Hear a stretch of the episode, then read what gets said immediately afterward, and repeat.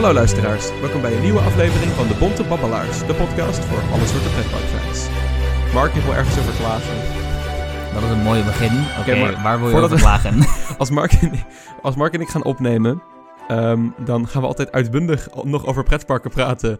eh, voordat we überhaupt beginnen met opnemen, dan zeggen we altijd... Oei, dit hadden we eigenlijk gewoon moeten opnemen.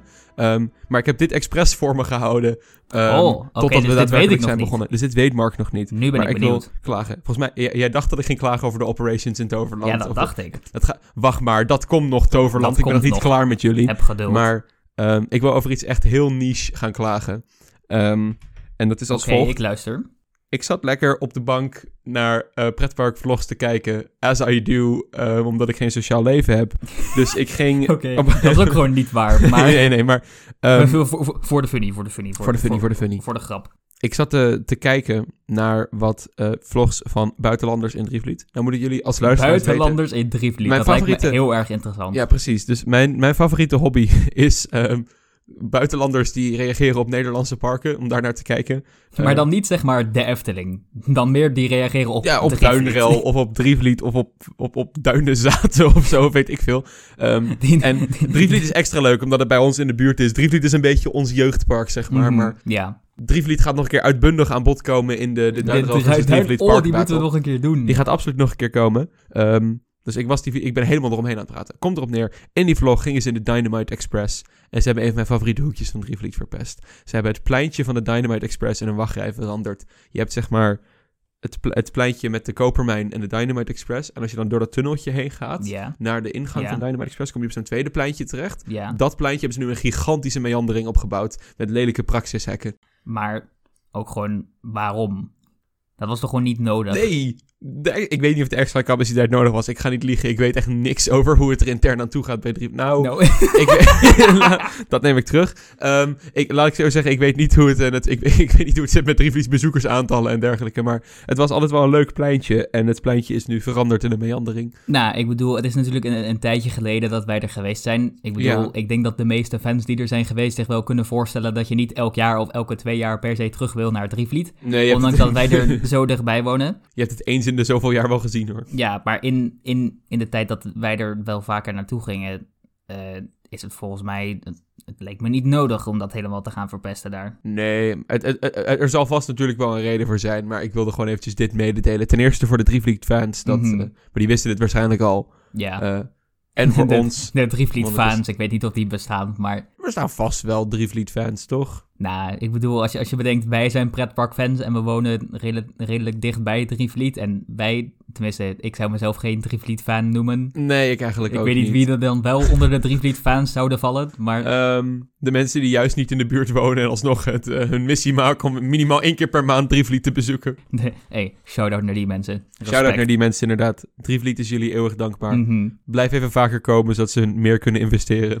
Nee, dat kunnen ze toch wel, maar dat willen ze gewoon niet. nou, ze kunnen het wel, maar ehm, volgens mij hebben ze gewoon niet de ruimte of de Nee, dat- omgevingsvergunningen om dat überhaupt te kunnen. Dus Dat is waar, ze zitten wel een beetje in een lastige situatie in dat opzicht. een beetje ben- een lastige situatie is nogal een understatement. True, to be fair, like de Formule X staat 20 meter van een huis af of zo. ik ben wel heel benieuwd wat ze nou met die parkeerplaats gaan doen. Want, oké, we zijn even helemaal afgedwaald naar, naar de ontwikkelingsplannen van Drievliet. Boeien. Maar aangezien wij redelijk in de buurt wonen, hebben we dat dus toen wel gevolgd. Wij krijgen toen, lekker actief mee. toen zeg maar bekend werd dat de Rotterdamse baan daar ja. eh, like, aangelegd zou worden. En dus dat het, het parkeerterrein van Drievliet is verplaatst ten opzichte van waar het eerst lag. En nu is er een mooie brug over de Rotterdamse baan. Die is erg mooi gelukt. Ja, maar dus nu hebben ze nog een parkeerplaats die Ja. voor de ingang ligt. Die, Die op niet dit in moment is helemaal leeg is. Ja. En ze, ik bedoel, daar zouden ze dingen mee kunnen doen. Ik weet niet of ze er vergunningen voor krijgen, maar het, het zou kunnen. Maar dan hebben ze wel het ding dat ze voorbij hun hoofdingang moeten gaan bouwen. Ja. En voor een parkje de grootte van Drievliet vind ik de hoofdingang eigenlijk best wel mooi. Dus Ja, ik weet niet of ze dat, of ze dat zeg maar... Nou, ze, ze kunnen de hoofdingang verplaatsen. To be fair. ik weet niet hoe realistisch dat is voor een park als Drievliet. De, de hoofdingang stort waarschijnlijk volledig in elkaar als je hem probeert te verplaatsen. Maar ik bedoel, als we de omwonenden van de Efteling mogen geloven, kunnen ze ook gewoon het hele park verplaatsen. Dus Oh ja, klopt inderdaad. Als ze nou gewoon Drievliet helemaal verplaatsen naar, weet ik veel... naar een plek waar ze wel kunnen uitbreiden. Ja, precies. Dan, eh, dan, is, dan zijn we er in de buurt ook gelijk vanaf. Ik ben wel heel benieuwd naar de reacties van. eh, Hadden ze ook nog andere grappige reacties dan? Of... Nee, ik, ik weet dat we... ehm, er waren plannen om een indoorhal te maken in Drievliet, maar... Ik, ik, weet niet of dat er nog van gaat komen. compleet verdwenen. Drievliet is, is een lekker vaag bedrijf met een patatzaak website... waar wij gewoon niet te veel in... Volgens mij hebben we dit al een keer eerder gezegd trouwens. Ja, nee, het is gewoon-. Wij, wij hebben een beetje nostalgie aan Driftlied, omdat we er al, om, ja, best flink. wel wat, omdat we er als kind natuurlijk vroeger kwamen, omdat het gewoon heel makkelijk was om er, na- om er naartoe te gaan. Ja, Maar sinds we pretparkfans zijn geworden en een beetje, zeg maar, we hebben ook wat, ehm, ons netwerk een beetje uitgebreid is naar Mhm. wat kwalitatief hoogstaandere pretparken. ja, Driftlied is een beetje amateuristisch op sommige vlakken. Drievliet, ik, ik hou wel van Drievliet, hoor daar niet van. Het is natuurlijk... Driftlied van- is een leuk park. Drievliet is, een, is een leuk regionaal park. Als je, weet ik veel, in Friesland woont, zou ik niet de moeite nemen om helemaal out of your way te gaan om naar Drievliet te komen. Maar Drievliet is een ideaal park voor mensen die in de buurt wonen. En het is goed, het is, het is kleinschalig en het hoeft ook niet meer te zijn dan dat. Mhm, families met kinderen. Hartstikke ik leuk ik heb niet heel veel problemen met Drievliet. Want een dagje Drievliet, wie, wil dat, nou niet? Precies. Het is ideaal voor schoolreisjes, Dat is waar. voor zover ik heb begrepen. Ik heb er zelf ook genoeg schoolreisjes naar gemaakt. Mhm. Had jij ook op de basisschool de Classic elk jaar een schoolreisje naar Drievliet of Duinrel en dan in groep 8 het grote schoolreisje naar de Efteling? Ja, dat had ik. Ja, goed Nee, nee, nee, in groep steep- 7. Want in groep 8 gingen we op kamp in plaats van op schoolreisje. Oh ja, klopt inderdaad. Dus groep 7 is dan het schoolreisje naar de Efteling. En Ik dat- weet niet of het vroeger ook al was dat je op kamp ging in groep 8. Maar anders hebben volgens mij een heleboel luisteraars zojuist een, een, paar, een paar herinneringen ja, een paar terug, terug omhoog zien duiken. Die ze niet wisten dat bestonden over hun kamp. Maar Ja, precies. Oh, groep 8 kamp was inderdaad. Ja, maar dat, dat, dan dwalen we te ver af van het onderwerp pretparken. Lekker eventjes over de toekomstplannen van Drievliet. Maar we zijn wel de podcast voor alle soorten pretparkfans natuurlijk. Niet alleen maar, eh, want we hebben de afgelopen vier afleveringen echt, echt alleen maar over de Efteling gepraat. ja, ik weet niet. Er is gewoon heel veel nieuws rondom de Efteling. Klopt. En ja, het ligt toch dichterbij. We komen er vaker. Het is toch iets meer, zeg maar, actueel voor ons. Het is ook gewoon een, een- het is het meest relevante park van Nederland, denk ik, op, op wereldschaal. Je hebt natuurlijk nog wel Toverland en Walibi, maar Efteling is toch wel iets meer eh, verfijnd en iets meer grootschalig. Dus Ja. Efteling nieuws is ook wel vaak het meest relevant. Je ziet het ook op loopings, hoeveel meer Efteling-artikelen er zijn dan artikelen over andere attractieparken. ik denk niet dat Speedzone Offroad een impact gaat hebben op het internationale pretparklandschap. Ik maar was daadwerkelijk even vergeten dat die, dat, ik, ik had niet door dat hij al open was eh, toen hij open was, zeg maar. Dus ik, Mhm. Ik wist dat die zou komen, maar ineens zag ik allemaal video's voorbij komen van... eh, of, ik wist niet, hoe heet die? Hij heet... Eat My Dust. Eat My Dust, ja. Ja. Ik wist niet eens hoe die heette. ik weet het, dus zoals nu duidelijk wordt, nog steeds niet heel goed eigenlijk. Dus ja, Ja, Eat, Eat My Dust is iets wat bestaat. Eh, laten we het niet gaan Mark. afkraken voordat nieuwe we erin... credit. Ja, dat, dat, dat is zeker waar. Een credit is een credit, Mark. dat kunnen ze niet wegnemen. Precies. Eh, maar la- laten we het nog niet gaan afkraken voordat we er nee, naartoe nee, we zijn moeten geweest. het eerst maar zien. We moeten het eerst zien. ja, Gelijk weer afkraken, wat zijn we lekker negatief. ik bedoel het. begin van deze aflevering. Ja, ja, ja. We, we zijn ook echt maar, met sneltreinvaart gestart. En de, Ja, compleet allerlei bochten genomen langs de Ik drievliet. En, een eh, beetje als een achtbaan. Oh, Ik nee. wilde een keertje niet openen met we zijn weer terug, want dat doen we altijd. Ja, het is wel zo. Ja, maar we zijn weer terug. We zijn weer terug. Oh, En- trouwens. Oh nee. Ja, nee, ga maar. Nee, waarschijnlijk wilde jij hetzelfde vertellen Dat als zou ik. goed kunnen. Ja. Ehm, het is toch wel een, een redelijk speciale gelegenheid voor ons. ja. Namelijk precies één jaar geleden, op 25 april, in, eh, tenminste, volgens mij was het 25 april, ik weet het niet Ja, 100% 25 april zeker uit mijn hoofd. 2022, Maar ja. hebben wij onze allereerste aflevering geüpload Ja, van de Bonte Babbelaars. Dus eh, inmiddels één jaar Bonte Babbelaars. Onze one year anniversary. Wauw, we hebben een volle... Ik weet niet of dat goed overkomt op audio, maar Nee, dat, dat gaan we wel zien. Dat- Vincent deed een applausje. Ja. Eh, ja, we, hebben, we kunnen een beetje reflecteren over één jaar Bonte Babbelaars. Maar Ja, eigenlijk hebben we niet heel veel gedaan. We hebben twaalf afleveringen gemaakt. Ja, ja, jij, jij merkt al heel mooi op. Wat wel leuk is, is dat we dus in één jaar tijd twaalf afleveringen hebben gemaakt. Dus we hebben wel netjes één aflevering per maand gemaakt. Maar Of was het echt niet... Zeg maar, het was echt... het was niet Volgens mij, volgens mij bij één maand gehad waarin we gewoon drie afleveringen hebben Ja, gemaakt. precies. En dat lijkt drie maanden lang niks. Ja, precies. Ehm, Oké, nou is eh, gezien de gelegenheid, ons jubileum... eh, ja, jubileum, ja, dat is het eigenlijk wel. Ehm, Ja, het voelt zo we- vreemd. We, hebben er, we, we- we kwamen er ook echt vlak voordat we de aflevering, eh, vlak voordat we de opname waren gestart, bedachten we ineens van, oh wacht, het is bijna een Ja. jaar Bonte Babbelaars. Precies. Dus wij willen graag om het jubileum te vieren... eh, ook iets aan de luisteraars geven. Namelijk een iets meer consequent uploadschema. Ja, wij gaan ons voornemen om Zullen we het houden op twee afleveringen per Ja, maand? ons streven voor nu is vanaf 25 april twee afleveringen per maand. Dus jullie kunnen vanaf mei eh, twee afleveringen per maand verwachten. Dan, dan wanneer die geüpload worden, dat weet ik niet. Dat hangt Gooi dus een twee dagen vanaf. achter elkaar. Eh, dat, zou, dat zou heel goed kunnen. Mhm. Maar eh, ons streven is in ieder geval per maand twee afleveringen. En wanneer die dan verschijnen, dat zien jullie wel. Moet je onze social media maar een Mhm. beetje in de gaten houden. Ja, Krijg je vanzelf wel updates. Ik ga wel even een disclaimer doen van tevoren. Geen beloftes. Ik bedoel, we hebben ook gewoon, we zijn studenten, we hebben andere Absoluut. verplichtingen. Het is ons maar- streven ja, om we- we gaan wel ons best doen. Ja, precies. Want we, we waarderen onze luisteraars enorm. Zonder Absoluut. jullie zouden we deze afleveringen nu niet maken. Want Nee, nee, ik bedoel, het, het, eh, comments van mensen en gewoon zien dat mensen het beluisteren, dat, dat is vinden wel gewoon enorm motiverend Ja. om er meer te maken. dat vinden wij echt hartstikke leuk. Dus eh, zolang jullie het nog leuk vinden, gaan wij lekker door. En gaan we proberen wat meer te maken. Absoluut. En ook, ehm daar kan ik gelijk aan toegeven, wat meer variatie. Dus niet vier afleveringen over de Efteling achter elkaar. was gewoon heel veel om te bespreken. Dat is het wel. Er is echt in een, in een hele korte tijd zo ontzettend veel Efteling nieuws. Maar we hebben onszelf Mhm. ehm, deze aflevering voorgenomen om het niet over de Efteling te hebben. Dat heeft twee redenen. Eén, we hebben het al heel erg veel over de Efteling gehad. En twee, Mark is echt al heel lang niet meer in de Efteling geweest. Ja, ik, ik, bevind me een beetje in, in een slechte situatie. Oké, nee, dat- Nou zeg ik dit wel vanuit een heel geprivilegeerde positie trouwens. Maar Mark is al heel lang niet meer in de Efteling geweest. Mark is voor een abonnementhouder heel lang niet meer in de Efteling ja, dat geweest. is waar. Ik bedoel, jij bent er letterlijk gisteren nog geweest. Klopt. Maar ja, ik weet niet. Ik had gewoon best wel druk met tentamens en... Ik weet niet, ik ben niet helemaal het type persoon die dan in mijn eentje naar een pretpark gaat. En weekenden zijn vaak toch een beetje te druk. Daar ben ik te verwend voor als abonnementhouder. Maar de, like, de studieroosters van mij en Vincent overlappen niet helemaal. Dus dan probeerden we telkens een datum te zoeken om samen te gaan. Maar dat lukte niet helemaal. Werd heel Maar- erg lastig. Ja, we gaan gewoon binnenkort weer een keertje. En anders ga ik een keertje in mijn eentje. Want hey, ik moet is wel echt wel een keertje alle nieuwe dingen zien. gaan zien. Ja, precies. Want eh, de, de- we gaan niet dingen bespreken voordat Mark ze gezien heeft. Nee, nee. Dus eh, ik denk wel ook dat het zoveel Efteling-afleveringen heeft ook te maken met dat we zo weinig afleveringen hebben gemaakt. Dan is het Ja. zeg maar, als je maar één keer per maand een aflevering maakt. En toevallig is die maand de, de makeover van de Vliegende Hollander ge- Ja, geannounced, precies. Of de making-of van Das Macabre uitgekomen. Dan is het natuurlijk wel van, ja, weet je, dat is wel het grote nieuws. Daar, Ja. daar moet je het wel over hebben. En het is ook eh, gewoon dat wij heel erg uitbundig praten over dingen. Dus dan, eh, we gaan heel erg, we, we proberen heel erg in-depth inhoudelijk te, te vertellen over dingen. Dus dan ben je een halve aflevering bezig met alleen maar de update over de Vliegende Hollander en Dans Macabre. En dan is je aflevering al voorbij. Ja. Maar dus ik denk dat als we meer afleveringen gaan maken, dan hebben we ook meer, zeg maar, tijd om buiten de hoofdnieuwtjes het over andere parken en andere onderwerpen te behandelen. Precies. En dat lijkt ons ook leuk. Want, eh nou moet ik zeggen, we hebben natuurlijk wel de, de Efteling... We zijn wel in het bijzonder Efteling-fans, maar we zijn nog Mhm. steeds wel gewoon pretpark-fans in het Ja. algemeen.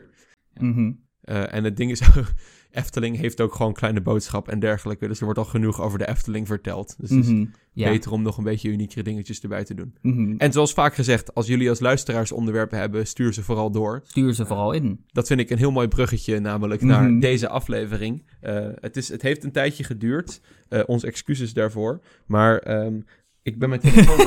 Vincent zoekt zijn telefoon. ja, ik weet niet of hij nou in mijn zak zit. Oh nee, hier ligt hij. Oké. Oh, ik haat dit. Als je zeg maar een melding krijgt, dan doet hij het bovenaan je scherm. Als je dan klikt op iets bovenaan je scherm, dan klikt hij op die melding. En dan... Wat ik echt haat is als WhatsApp dan like in een of andere gekke windowed vorm half je scherm opnemend, maar ook weer Ja. niet helemaal. Oh, dat dan heb ik ook verschijnt heel en dan vaak, kun je ja. er like niet uitklikken of zo. Ja, ik weet ook niet wat dat is. Dat doet hij soms maar. Oké, Achter de schermen Patreon, Ja, inderdaad. klagen over WhatsApp. precies. We zijn echt boomers. ik ben Eh, echt een boomer als ik snap niks van die nieuwe Ik techniek. weet niet hoe ik stickers moet gebruiken. Nee, daarom. Ehm, even kijken. Wij willen namelijk een keer een, eh, een, luisters, eh, een luisteraarsvraag beantwoorden. Of in ieder geval het onderwerp toepassen op deze aflevering. Mhm. Want het is ook een mooi, lekker breed onderwerp. Zeker. we hebben het al aangekaart in, ik weet niet of het de vorige aflevering was of de aflevering daarvoor. Volgens Mhm. mij de aflevering daarvoor. ik weet het ehm, niet uit mijn hoofd. Wij willen graag Roel op Instagram bedanken. Die heeft namelijk een vraag ingestuurd. En bij deze Roel gaan we die eindelijk beantwoorden. Sorry, het heeft eventjes geduurd met ons verschrikkelijke uploadschema. eh, met En het de andere nieuwtjes er, tussendoor dat er zo ontzettend veel nieuws was. Maar deze aflevering gaan we graag eh, wijden aan jouw vraag. Mhm. Ehm, laat ik maar beginnen met de vraag gewoon voorlezen. Ehm, Hij heeft gewoon een DM op Instagram gestuurd. Dag jongens, superleuke aflevering die jullie hebben gemaakt. Ik ben een van de vijf trouwe luisteraars, zoals jullie zelf al zeiden. Dankjewel, um, dat wordt erg gewaardeerd. inderdaad. Um, ik had een vraag om te behandelen in jullie volgende aflevering. Wat denken jullie over het thema science fiction uh, bij attracties? Het enige voorbeeld dat ik me kan voorstellen in de Benelux is de Revolution in Bobbejaanland. Voor de rest zien we vrij weinig duidelijke voorbeelden. Dit terwijl Star Wars en Marvel gebieden in Disneyparken niet onpopulair zijn. Wat denken jullie? Roel, dankjewel voor je vraag. Leuk onderwerp. Want Heel het is, interessant uh, onderwerp. Ja, precies. Science fiction in attractieparken. Nou hebben wij er een beetje over nagedacht. Wat wij deze aflevering een beetje willen gaan doen is één, kijken naar het onderwerp science fiction in het algemeen. We willen um, kijken naar inderdaad attractieparken in de Benelux. En we hebben dan eventjes voor de gelegenheid ook wat meer parken in omstreken genomen. Denk aan Duitsland en eigenlijk gewoon een beetje Europa in het algemeen, West-Europa. Uh, en we gaan kijken naar parken die uh, geen science fiction hebben in hun park. Uh, en kijken hoe zij dat zouden kunnen uitvoeren. Uh, nou, gaan... niet voor elk park natuurlijk. Maar, even, nee, nee, nee, we, maar... gaan even kijken naar een paar parken die op het ja. moment niks in het science fiction thema in een aanbod hebben. Ja. Maar waar wij denken dat het wel goed zou kunnen passen. En Precies. hoe we dat dan... Hoe we dat dan zelf zouden zien. We gaan ook even kijken naar waarom science fiction in Europa niet zo'n populair thema is. En in andere parken en andere gebieden wel. Uh, daar heeft Mark een en ander over te zeggen. Nou, ik heb wel een aantal theorieën. Ja, ik, bedoel, ik bedoel, wat zeg je? Alles wat ik zeg is 100% feit. Ik heb klopt, altijd gelijk. Klopt, Mark uh, is ja. de pretparkkenner van Nederland. Alles wat hij zegt is feit. Jij ook, Vincent. Wij, wij. ja, wij, wij, wij, wij, zijn natuurlijk de, de, de, de, de, de pretparkfans waar je het van moet horen. wij zijn experts. we zijn gewoon echt van bescheiden ineens naar de andere. Nee, één jaar bonte babbelaars, nu mag het. nu zijn we professioneel. Wisten jullie dat wij wel twaalf afleveringen hebben gemaakt? maar liefst twaalf afleveringen? Wow. Wow. Daar mogen we wel even mee pronken. Absoluut. Um, maar dat, uh, dat is eigenlijk een beetje alles wat we willen behandelen. Ja, oké. Okay, dus uh, zullen we even beginnen met binnen de Benelux, om het een beetje wat, wat compacter ja. en wat overzichtelijker te houden. Inderdaad. Uh, want zoals je al zei, de, de, de, de Revolution in Bobbejaanland. Ja. Uh, om eerlijk te zijn, ben ik, niet een, uh, ben ik niet enorm bekend met alle parken in België. Natuurlijk ken ik de parken en de main headliners, maar ik ben nooit in een park in België, geweest. En ik weet ook niet alle, alle subtiele details. Ik weet niet of jij daar iets meer nou, bekend mee bent. Moet ik ook zeggen, de Revolution heeft technisch gezien op papier een science fiction thema. Maar ja, het is niet heel, heel heeft sterk. Hij, hij heeft niet zo heel erg veel thema. Uh, de Revolution. Het is vooral een beetje een, een, een, een kale attractie. Revolution is voornamelijk natuurlijk leuk vanwege het feit dat hij volgens mij de langste trein van alle achtbanen ter wereld heeft. Ja, en, en dat ding is hilarisch om te zien. en dat um, ding is zo grappig in, ja. in, in nou, moet in ik het station. ja. Nou moet ik inderdaad zeggen dat ik... Um, ik ben zelf wel een paar parken in België geweest, maar ik ben nooit in Bobbejaanland geweest. Dat moeten we zeker nog wel een keer doen. Ja, je bent uh, geweest in, uh, in Walibi Belgium en in Plopsaco, ja. toch? Nou is Bobbejaanland... Um, ja, ik ben inderdaad er niet twee geweest. Uh, Bobbejaanland met science fiction als thema. Bobbejaanland is sowieso een vrij eclectisch park. Uh, en volgens mij is Bobbejaanland ook niet echt een themapark. Volgens mij... Nou, Bobbejaanland is toch eigendom van... Uh, Oké, okay, ik ga dit even compleet butcheren. Parkers Renidos, of hoe je ja, dat ook uitspreekt. De, de, die, die, die, Spaanse keten. De Spaanse ja. keten, onder andere Movie Park en Slagharen ook volgens mij. Ja. Daar deel van uitmaken. Nou heeft Slagharen een soort doorlopend western thema. Mhm. Mm -hmm. En Movie Park is net, heeft dat, dat, dat vage filmthema. Ik heb heel veel over Movie Park te zeggen. Dat ga ik maar nu niet in afdwalen op dit moment. Um, ja, uh, Bobbejaanland. Het, kun je het een themapark noemen? Ik weet het niet. Ik bedoel, we zijn er natuurlijk allebei nooit geweest. Dus nee, dat maakt het maar... een beetje moeilijk om het echt goed te kunnen zeggen. Ik weet dat de recentste toevoegingen met uh, Land of Legends en Fury natuurlijk... Volgens mij hadden ze wel een beetje een poging om het iets meer in thema te trekken. Maar volgens ja. mij is het meer iets, in, in, iets lossers dan iets als de Efteling of Toverland of Fantasieland. Daar, dat moet je niet verwachten. Ja, ik denk ook dat um, Revolution um, is natuurlijk daar, volledig daarvoor gebouwd. Ik denk dat ja, Bobbejaanland nu... Ik denk, volgens mij zijn, omdat themaparken zo'n zo'n succesvolle trend zijn... probeert Bobbejaanland er ook op te stappen. Mm -hmm. uh, Bobbejaanland is nu heel erg aan het bewegen naar uh, themagebieden... en meer thema bij de attracties. Um, dan een positieve ontwikkeling is, kun je natuurlijk ook weer betwisten. Maar uh, Revolution is sowieso van daarvoor. Dus of Revolution nou echt een science fiction thema heeft op papier technisch gezien wel. Uh, maar op eenzelfde manier Het is niet dat... een, een echt ja, science fiction Het thema, is niet zeg heel erg uit. Het is gebaseerd op science fiction, maar ja. het, het, is meer, het, het is meer, zeg maar, het, het thema is er, Maar de uitvoering is niet Ja, van de hoogste kwaliteit. precies. Dus het thema science fiction komt niet zo goed naar voren als je zou willen, als bijvoorbeeld bij, bij andere attracties die een science fiction thema dragen. Mhm. Ehm, maar dan gaan we eventjes in de omstreken kijken, want Revolution, ik, omdat wij hem dus niet gedaan hebben, kunnen we er niet zo heel erg veel over zeggen.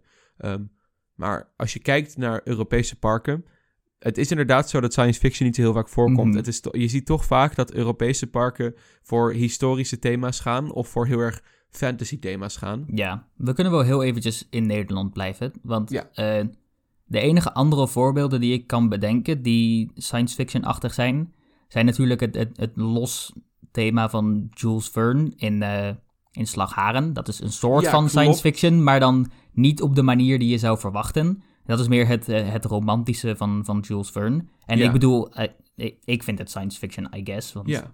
dat, dat is wat de verhalen zijn. Nou heb je natuurlijk wel The Lost Gravity in Walibi. Lost Dat Gravity... is ook... Ik weet niet of je het helemaal science fiction kan noemen. Laten we is even meer, vaststellen wat science fiction in dit geval is. Want volgens mij, oké, ik, heb, er- ik heb er geen definitie van of zo. nee, maar ik ook niet. alles wat ik als science fiction definieer is een beetje, het heeft te maken met verre toekomst, ruimte, eh, aliens. Boom, dat is, dat, is de definitie. ik, ik, zie, ik zie science fiction heel erg als... ehm, want jij, jij hield net al Jules Verne inderdaad aan. Eh, ik zie dat ook als science fiction. Ik zie science fiction toch heel erg als een soort fantasievolle eh, setting... Mhm. die of hedendaags of in de toekomst is gezet...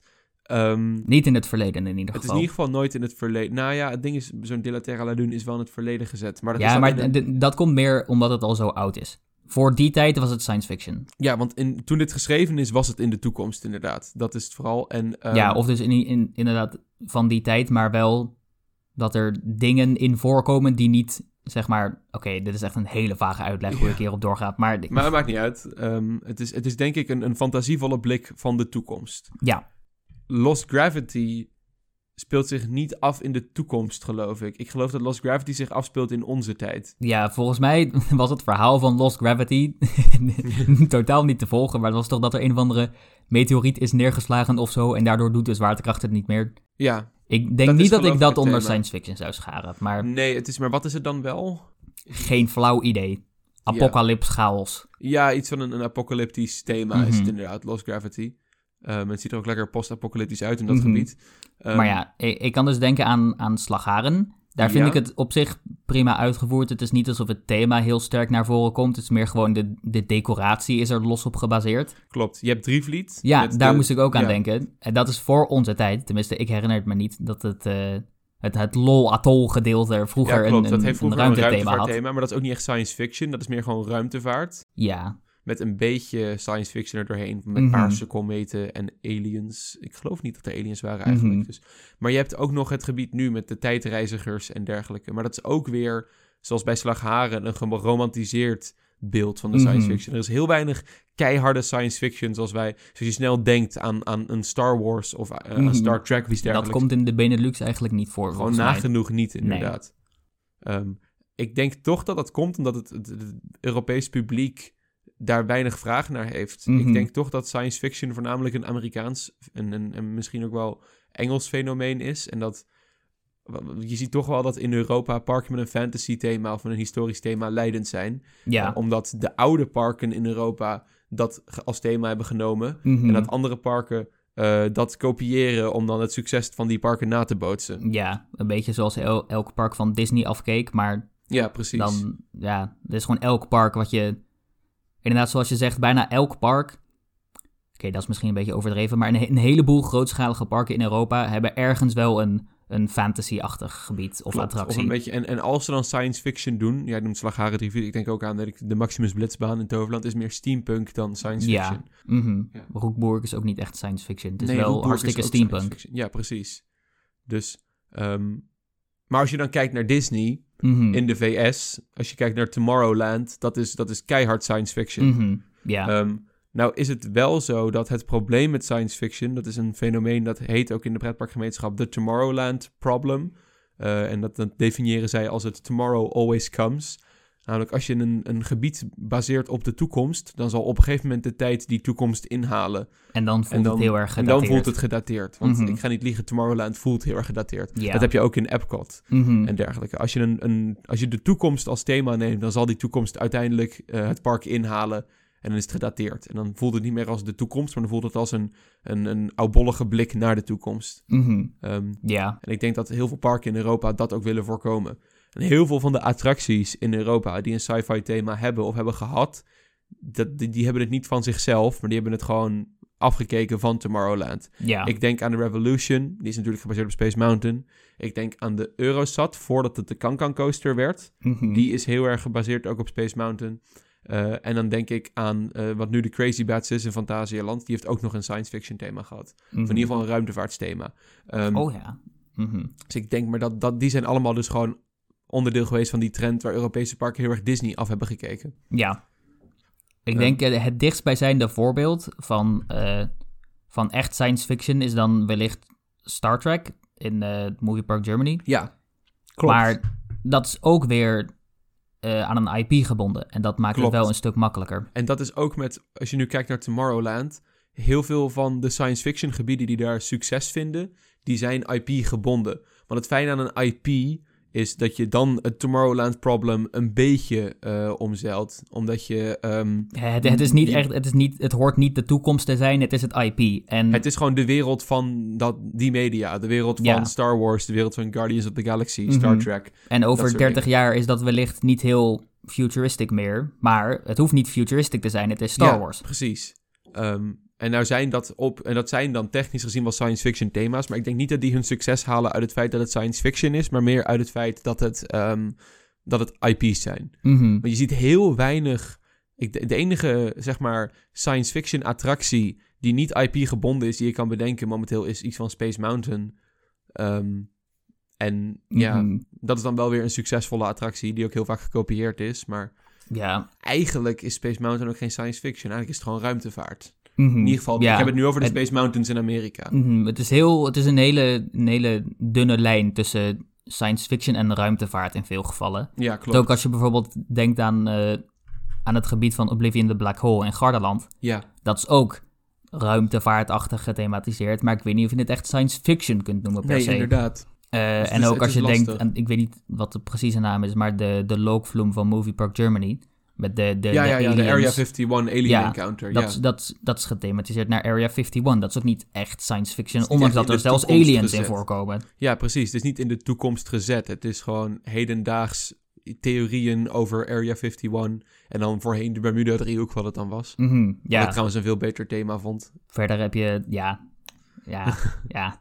I mean, ik ben er nooit geweest om het zo te judgen, maar Nou ja, de, de attracties qua uiterlijk minimaal veranderd.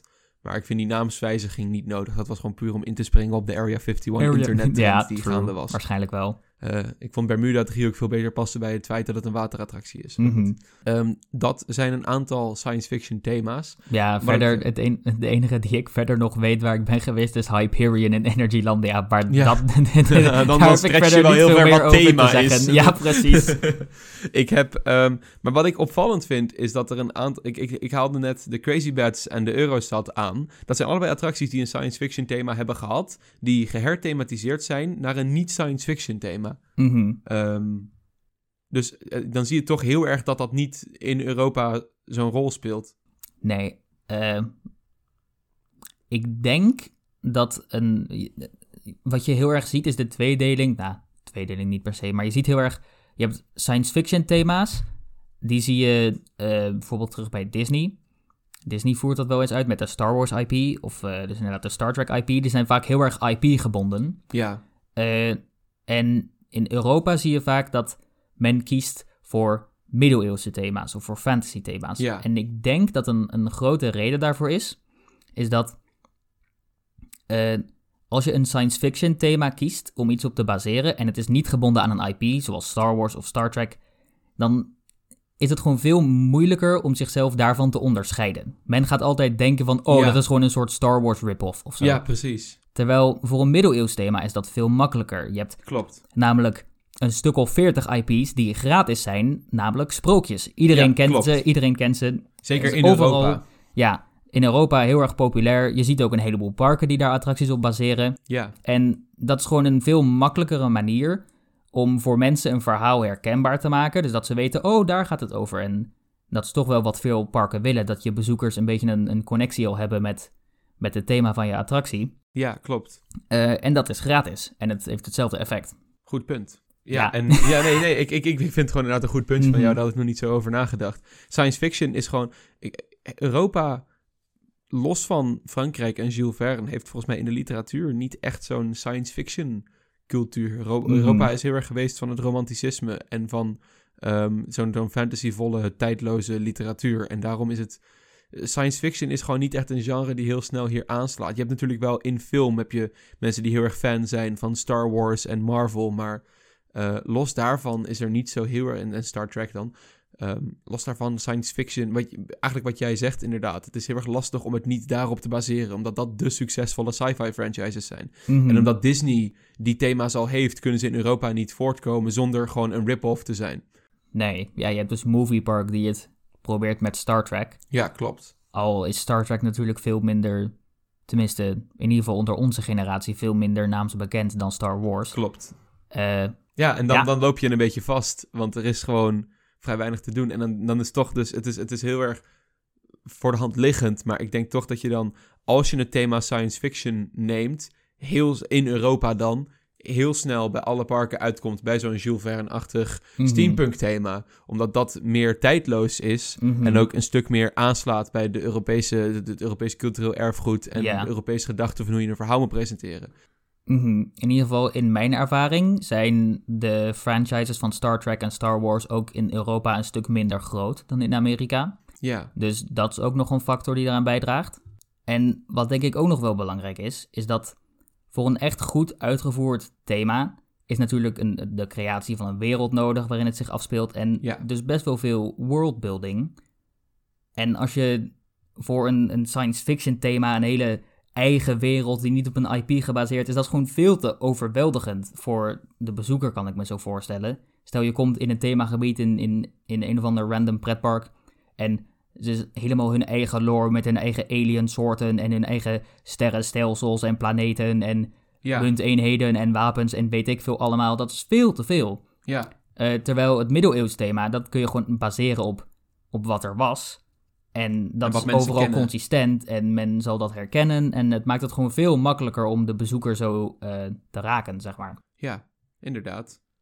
Dus als je dan, want we hadden ons andere punt nog van, als je eh, science fiction zou invullen in Europese parken, dan denk ik toch dat je heel snel bij een geromantiseerde geschiedenisblik van Mhm. de toekomst komt, in plaats van echt de toekomst. Ja, ik denk het is inderdaad of dat of meer dus inderdaad het ruimtevaartaspect. Maar niet echt de, de, Ja, de want hoe, rest. want hoe uitbundig... Kijk, het probleem is, je hebt in een attractie maar echt een beperkte tijd om worldbuilding en karakters echt aan je bezoekers uit te leggen, dat ze het ook echt meekrijgen. Mhm. Iemand moet wel heel erg fan zijn, mochten ze de hele lore achter een attractie willen weten. Ik denk momenteel even aan Symbolica. Mhm. Dat is, is eigenlijk science fiction, want het is ja. een andere planeet. mhm. Ehm, je hebt maar beperkte, je hebt, je, je hebt een beperkte attractietijd waarin je dan die volledige wereld met al die personages aan je, aan je bezoeker moet overbrengen. Eh, en dat kun je gewoon niet doen in de tijd en de middelen die je hebt met een attractie. Dus dan, heb je, dan, dan krijg je het fenomeen waar bezoekers moeten instuderen om een attractie te begrijpen. En dat wil je gewoon niet hebben in een attractiepark. Want je wil dat een verhaal meteen duidelijk is en dan een thema meteen duidelijk is. En dat je Mhm. dat in een zo kort mogelijke tijd zo effectief mogelijk doet.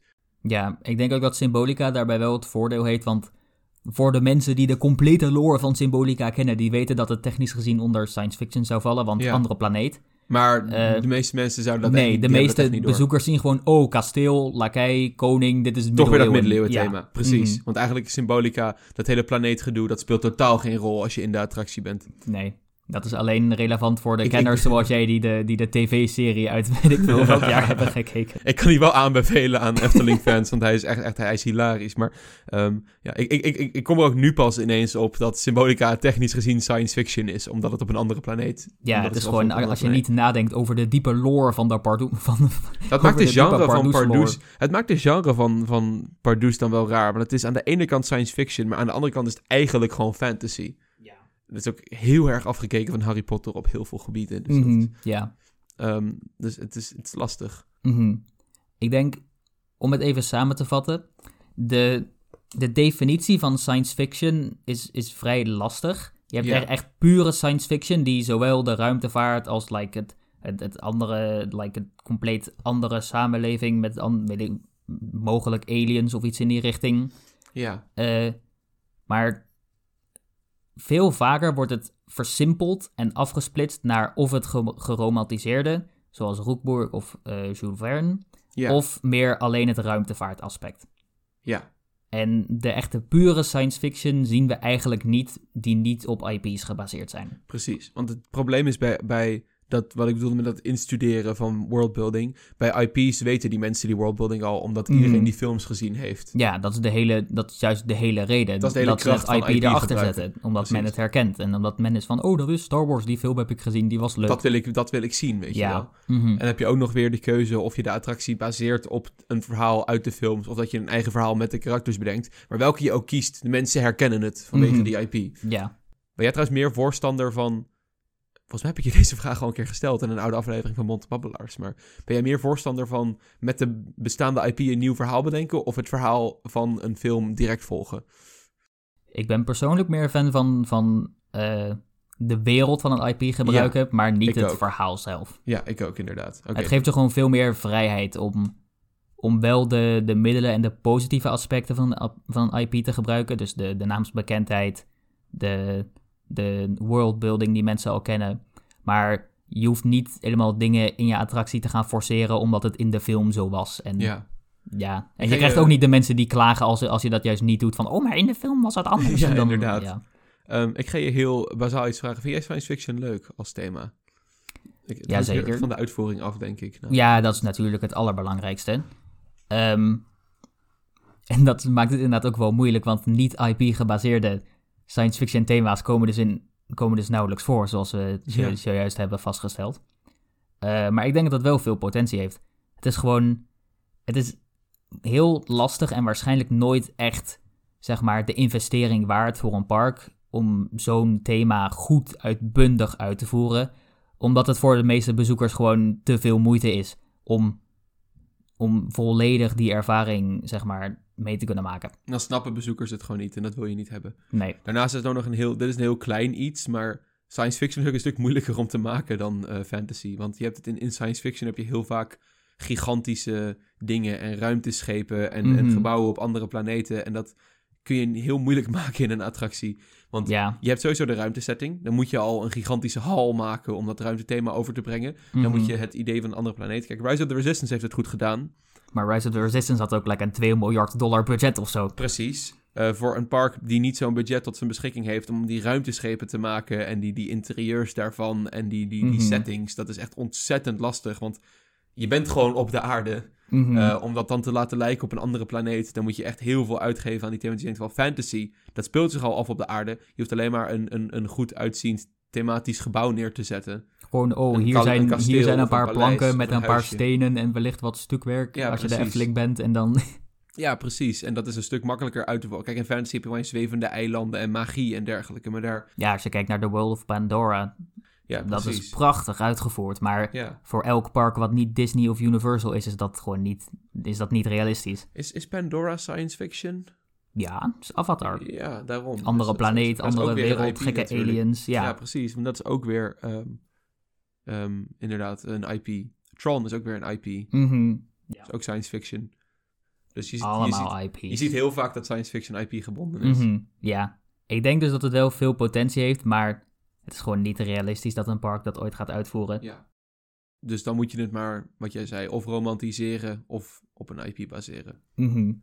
Want ik vind ook een paar science. Ik vind, ik vind bijvoorbeeld ook in Tokyo Disney Sea... De, de, de Jules Verne gethematiseerde attracties daar zijn ook prachtig. Mhm. Ja, maar dat is wederom Disney-budget. Dat is wederom inderdaad Disney-budget. Je moet, ik denk dat een park... wordt het daar niet park gefinancierd als door Disney, Bobbejaanland. toch? Maar Nee, het wordt door de Oriental Land Company inderdaad eh, geregeld allemaal daar. Maar die hebben ook eh gigantisch Die hebben ook een- Die hebben ook een Dagobert Duck geldpakhuis achter zich staan. precies. Ehm, dus, maar ik denk niet dat een park als Bobbejaanland er snel aan moet denken om eh, dat ook nog uit te voeren. Nee.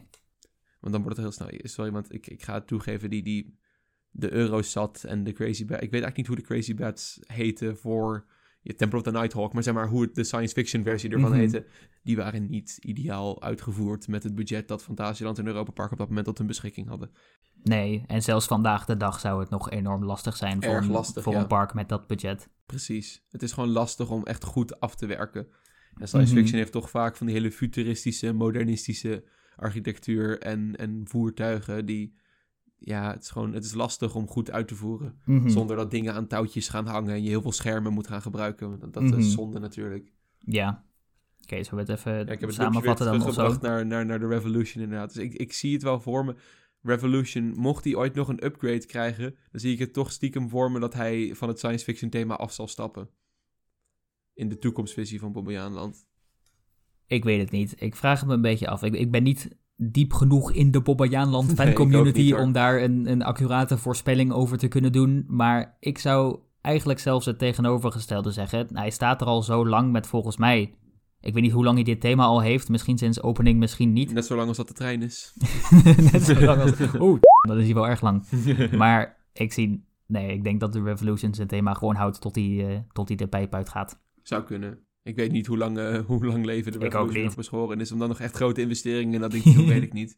Ehm, ja, misschien is hij ook wel heel goed hoor. Ik heb hem nooit Ik heb hem nooit en- gedaan, ja. en op nee. video's komt die rit ook echt totaal niet goed uit de verf. dus dat- maar ja. ehm, ja, dan heb je ook nog... Dat is ook weer IP. Je hebt bij Europa Park heb je... Je hebt, je hebt gewoon de Cancan coaster. Mhm. En dan heb je nog dat gekke virtual reality ding daarachter. Hoe heet dat ook alweer? Ehm, dat is een, een aparte ripbeleving die je bij de Cancan coaster kan krijgen. Oh, de, de VR-versie. Ja, de Ik weet VR-versie. niet hoe die heet. Die heeft ook een naam, Armageddon of iets dergelijks. En Oh, zoiets zou kunnen, ja. En die, die ehm, dat, dat is volgens mij ook IP gebonden.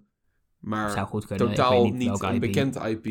Volgens en mij je lijkt ziet het me dat niet dat ook een enorm ja, succes dan. Daarom, maar... je ziet ook gelijk dat het dan niet zo'n heel groot succes is. Ik moet zeggen dat VR, als ik het heb over die afwerking van science fictions, VR kan dan wel werken om dat goed uit te voeren, maar ik vind VR-attracties gewoon heel erg gimmicky. Ja, en dat heb ik VR in zijn algemeen is een, is een, no, is een no-no voor mij. De enige VR-achtbaan die ik ooit gedaan heb is Crazy Bats. En het is, het is een leuke gimmick, maar ik wil dit niet als norm hebben voor attractieparken.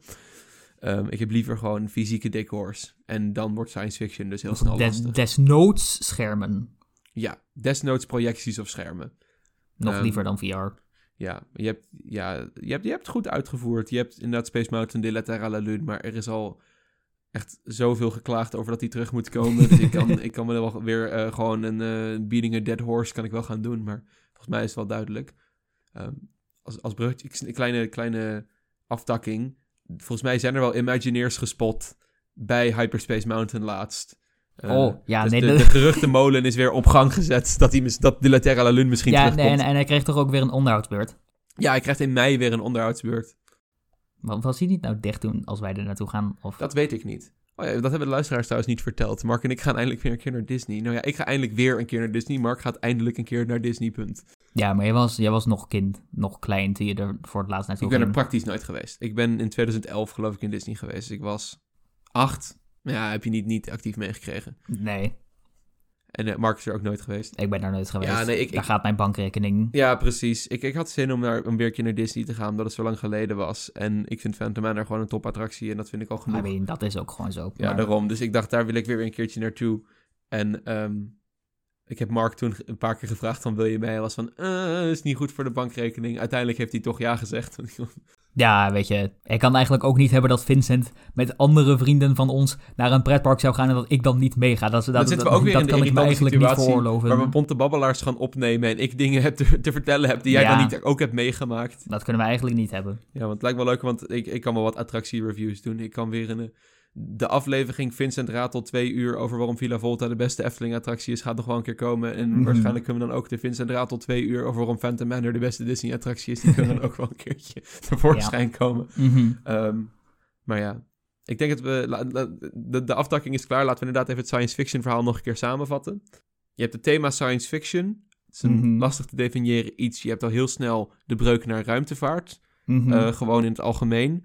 Science fiction heb je de keuze tussen of een eigen hele wereld creëren Met als nadeel dat de bezoekers het dan totaal niet, eh, totaal niet gaan begrijpen. Omdat je niet in één attractiebeleving dat verhaal compleet kan meegeven. Mhm. Je ziet het ook een beetje met Arthur en de Minimoys. Dat is dan geen science fiction, maar in Europa Park. Waar een hele wereld achter zit die je totaal niet meekrijgt als je in de attractie gaat. Nee, Want ik heb die bedoel- film nooit gezien. Ik heb die IP Nee, nooit meegekregen. voor ons was het gewoon van too long, Die film read. is zo vaag. Ik kan me dat echt zo... Ik heb dat wel eens op tv gezien toen ik klein was of zo. Maar het was ook zo surreal toen ik zag dat ze dat als thema hadden gekozen. Want ik ken de IP wel, maar ik weet er niks over. Ik had er nog nooit van gehoord. Maar toen gingen we erin, dus had je die gekke schermen aan het begin van de Dit is attractie. Arthur, en hij ik is er niks van. En het- op een gegeven moment komt er gewoon Snoop Dogg of zo. En ik zat er helemaal...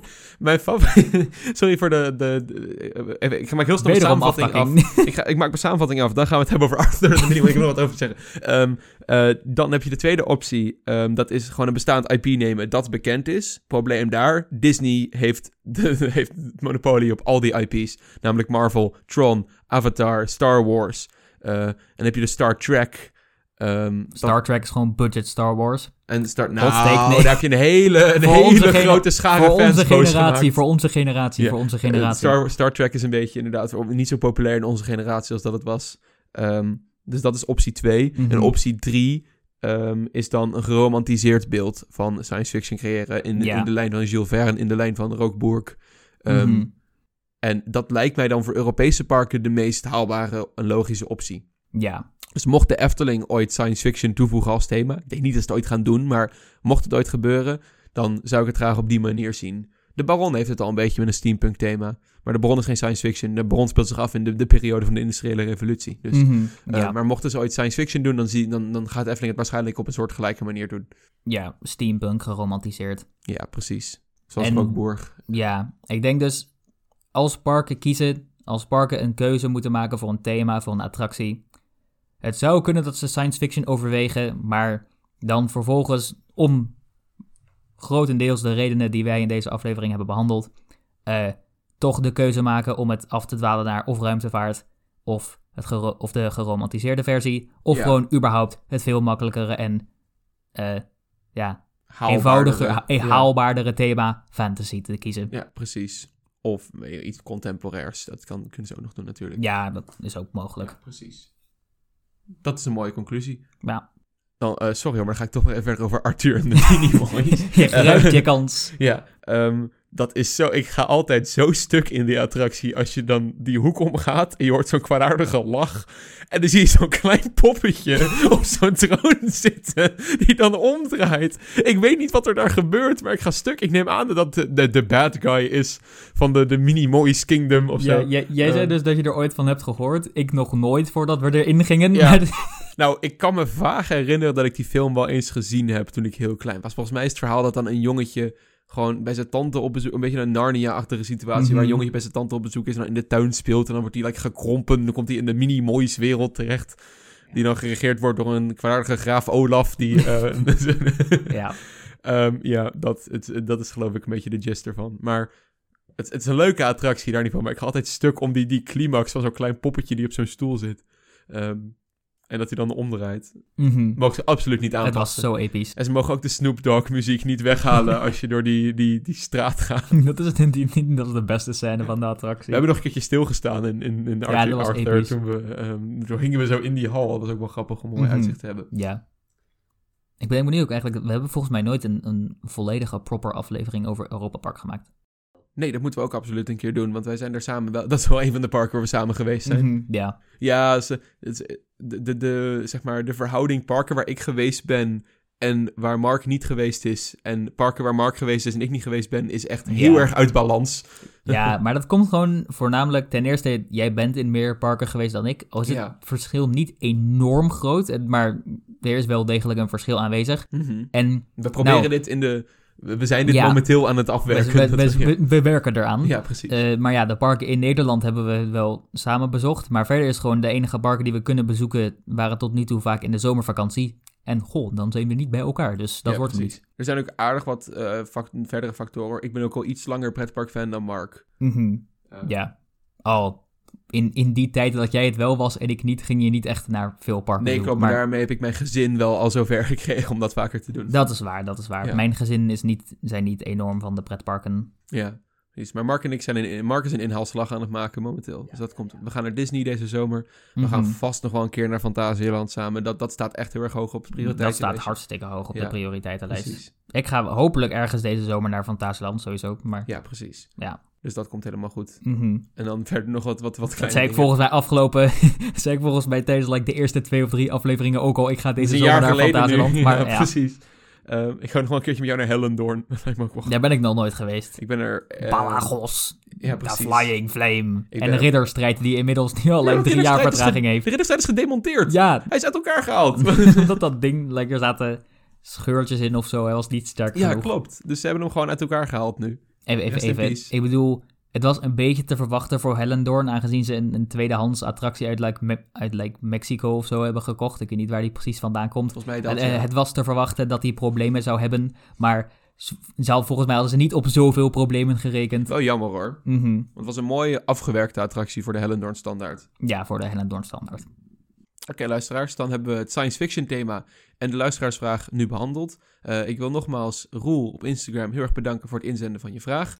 Absoluut, dankjewel. En andere luisteraars nog mededelen dat mochten jullie zelf ook onderwerp voor afleveringen hebben, eh, stuur ze graag door. Dan behandelen we ze in de aflevering. Mhm. Eh, ik kan nu eventjes snel de, de social media run doen. Ik de merk, pluk, toch dat, pluk. ja, ik merk toch dat er meer volgers komen als ik het even snel in de zeg. self-promotion, shameless Ehm, self-promotion. Eh, wij zijn te volgen op Instagram via @debontebabbelaars, te volgen op Twitter via @bbabbelaars en jullie kunnen ons een mail sturen op debontebabbelaars@gmail.com. Ehm je kan gewoon een DM'tje achterlaten op Twitter of ons taggen of iets dergelijks, wat jullie willen. Geen enkel Ja. probleem.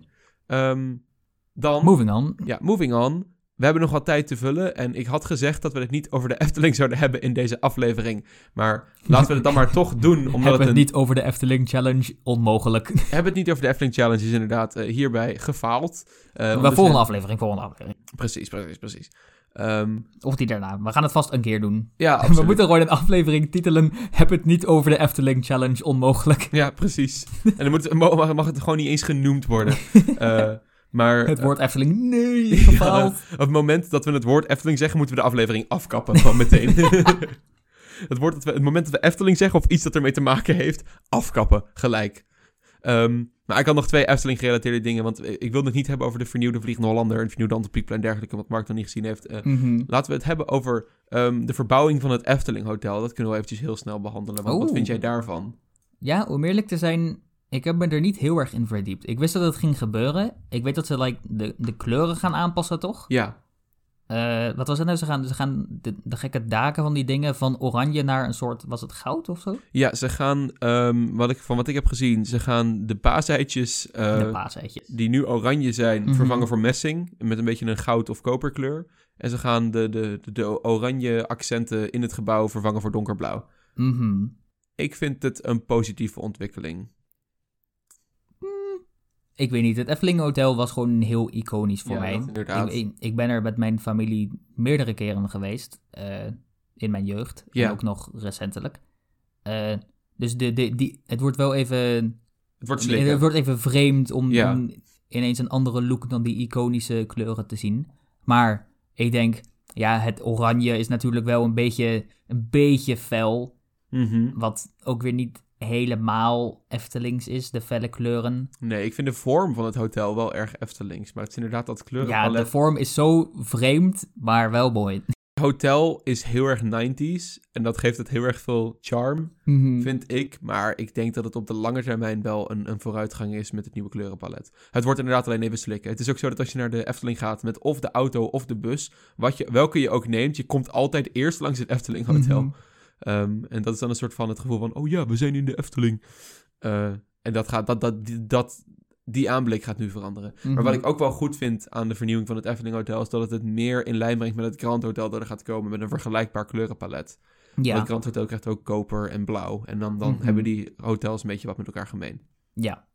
Ik vind het altijd heel cursed als ik in de Efteling loop in de winter... als alle bladeren van de bomen zijn... en ik het hotel vanuit het park kan dat zien. is zo cursed. Ik heb één keer gehad dat ik het hotel vanaf het Hartenhof kon zien.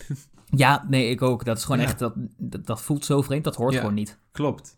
Want Ehm, eh, het, het, het hotel staat echt heel dicht bij het park. ja, gewoon... Het is gewoon letterlijk, wat is het, like 40 meter naast de vogelrok of zo, of nog ja, het minder. staat gewoon zo aan de snelweg daar. Mhm.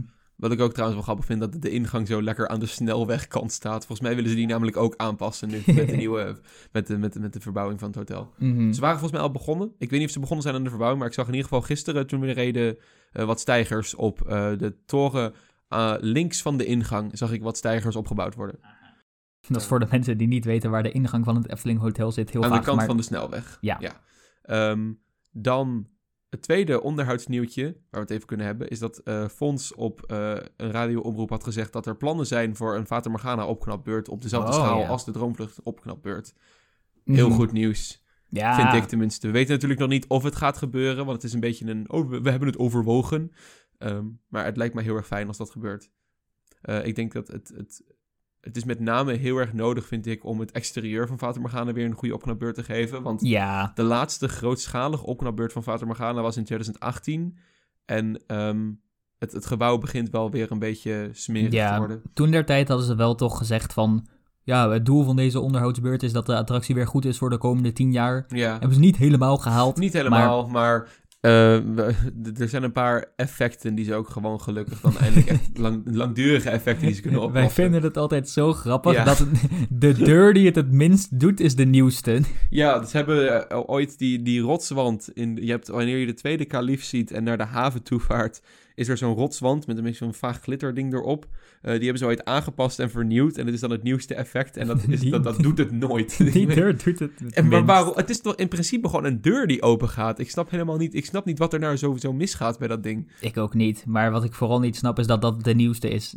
En dat de het dan alsnog het, wel, minst ja. werkt. Mhm. Ja, precies. Dus dat vinden wij heel vaas. Ik hoop dat ze dat fixen en dat het exterieur een goede opknapbeurt krijgt. Verder heb ik vrij weinig aan te merken. Heel veel mensen die hopen dat de schatkamer natuurlijk weer gaat schudden. Iets dat ook al heel lang op de Eftelist ook voor detaillijst staat. Maar Mhm.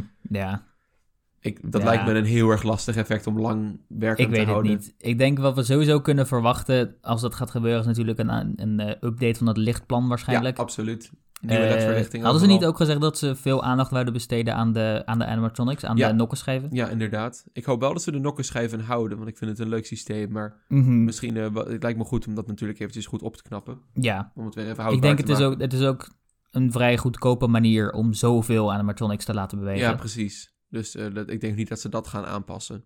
Nee, ik bedoel, ik zelf zou erg voor een, voor een wachtrij-update zijn. Al is Ja. het natuurlijk een hele lastige, want aan de ene kant, de, op het plein zelf ben je wel een soort van in thema, want alle gebouwen zijn natuurlijk in thema. Maar de wachtrij zelf heeft nul thema. Maar Maar dan, wel positief dat ze die verschrikkelijke eh, dierenborden hebben weggehaald. ja, dat is waar. meandering. Dat, dat was zo random, dat was gewoon Ja. nergens iets mee te maken. Soms hebben ze dat in 2012 daar opgehangen en het paste zo niet bij de attractie. Fata Morgana is een vrij duistere attractie, dus ik, snap, Ja, ik snap er helemaal niks van. Ze waren ook echt, echt heel Mhm. lelijk, maar goed. maar ik, ik weet niet, de, de wachtrij is een hele lastige, want het is gewoon het, het hele idee van Fata Morgana, is dat je pas in de wereld komt van een thema op het moment dat je, dat je de jungle ingaat en, Ja, en gekke daar rookt of zo, maar... ja, dat, is- dat is mijn interpretatie, dat is mijn interpretatie. ik denk dat ik dat moet censureren. is, is niet oké? ik denk gewoon het fenomeen waar je ermee associeert dat dat niet oké is. Oké. Als, als, de, als, de, als, de, als de tovenaar je de verboden stad inlaat. Precies, precies, dat is wat ik Dat- bedoelde. dat- ja, ja, ja. Dat is wat ik bedoelde, ja, natuurlijk. Als je te veel Fata Morgana room spray. eh, of hoe heet dat spul ook weer dat in die giftshop staat? Angel dust. Als je- Als je de verwekkende inkt van de Efteling fotoboekjes.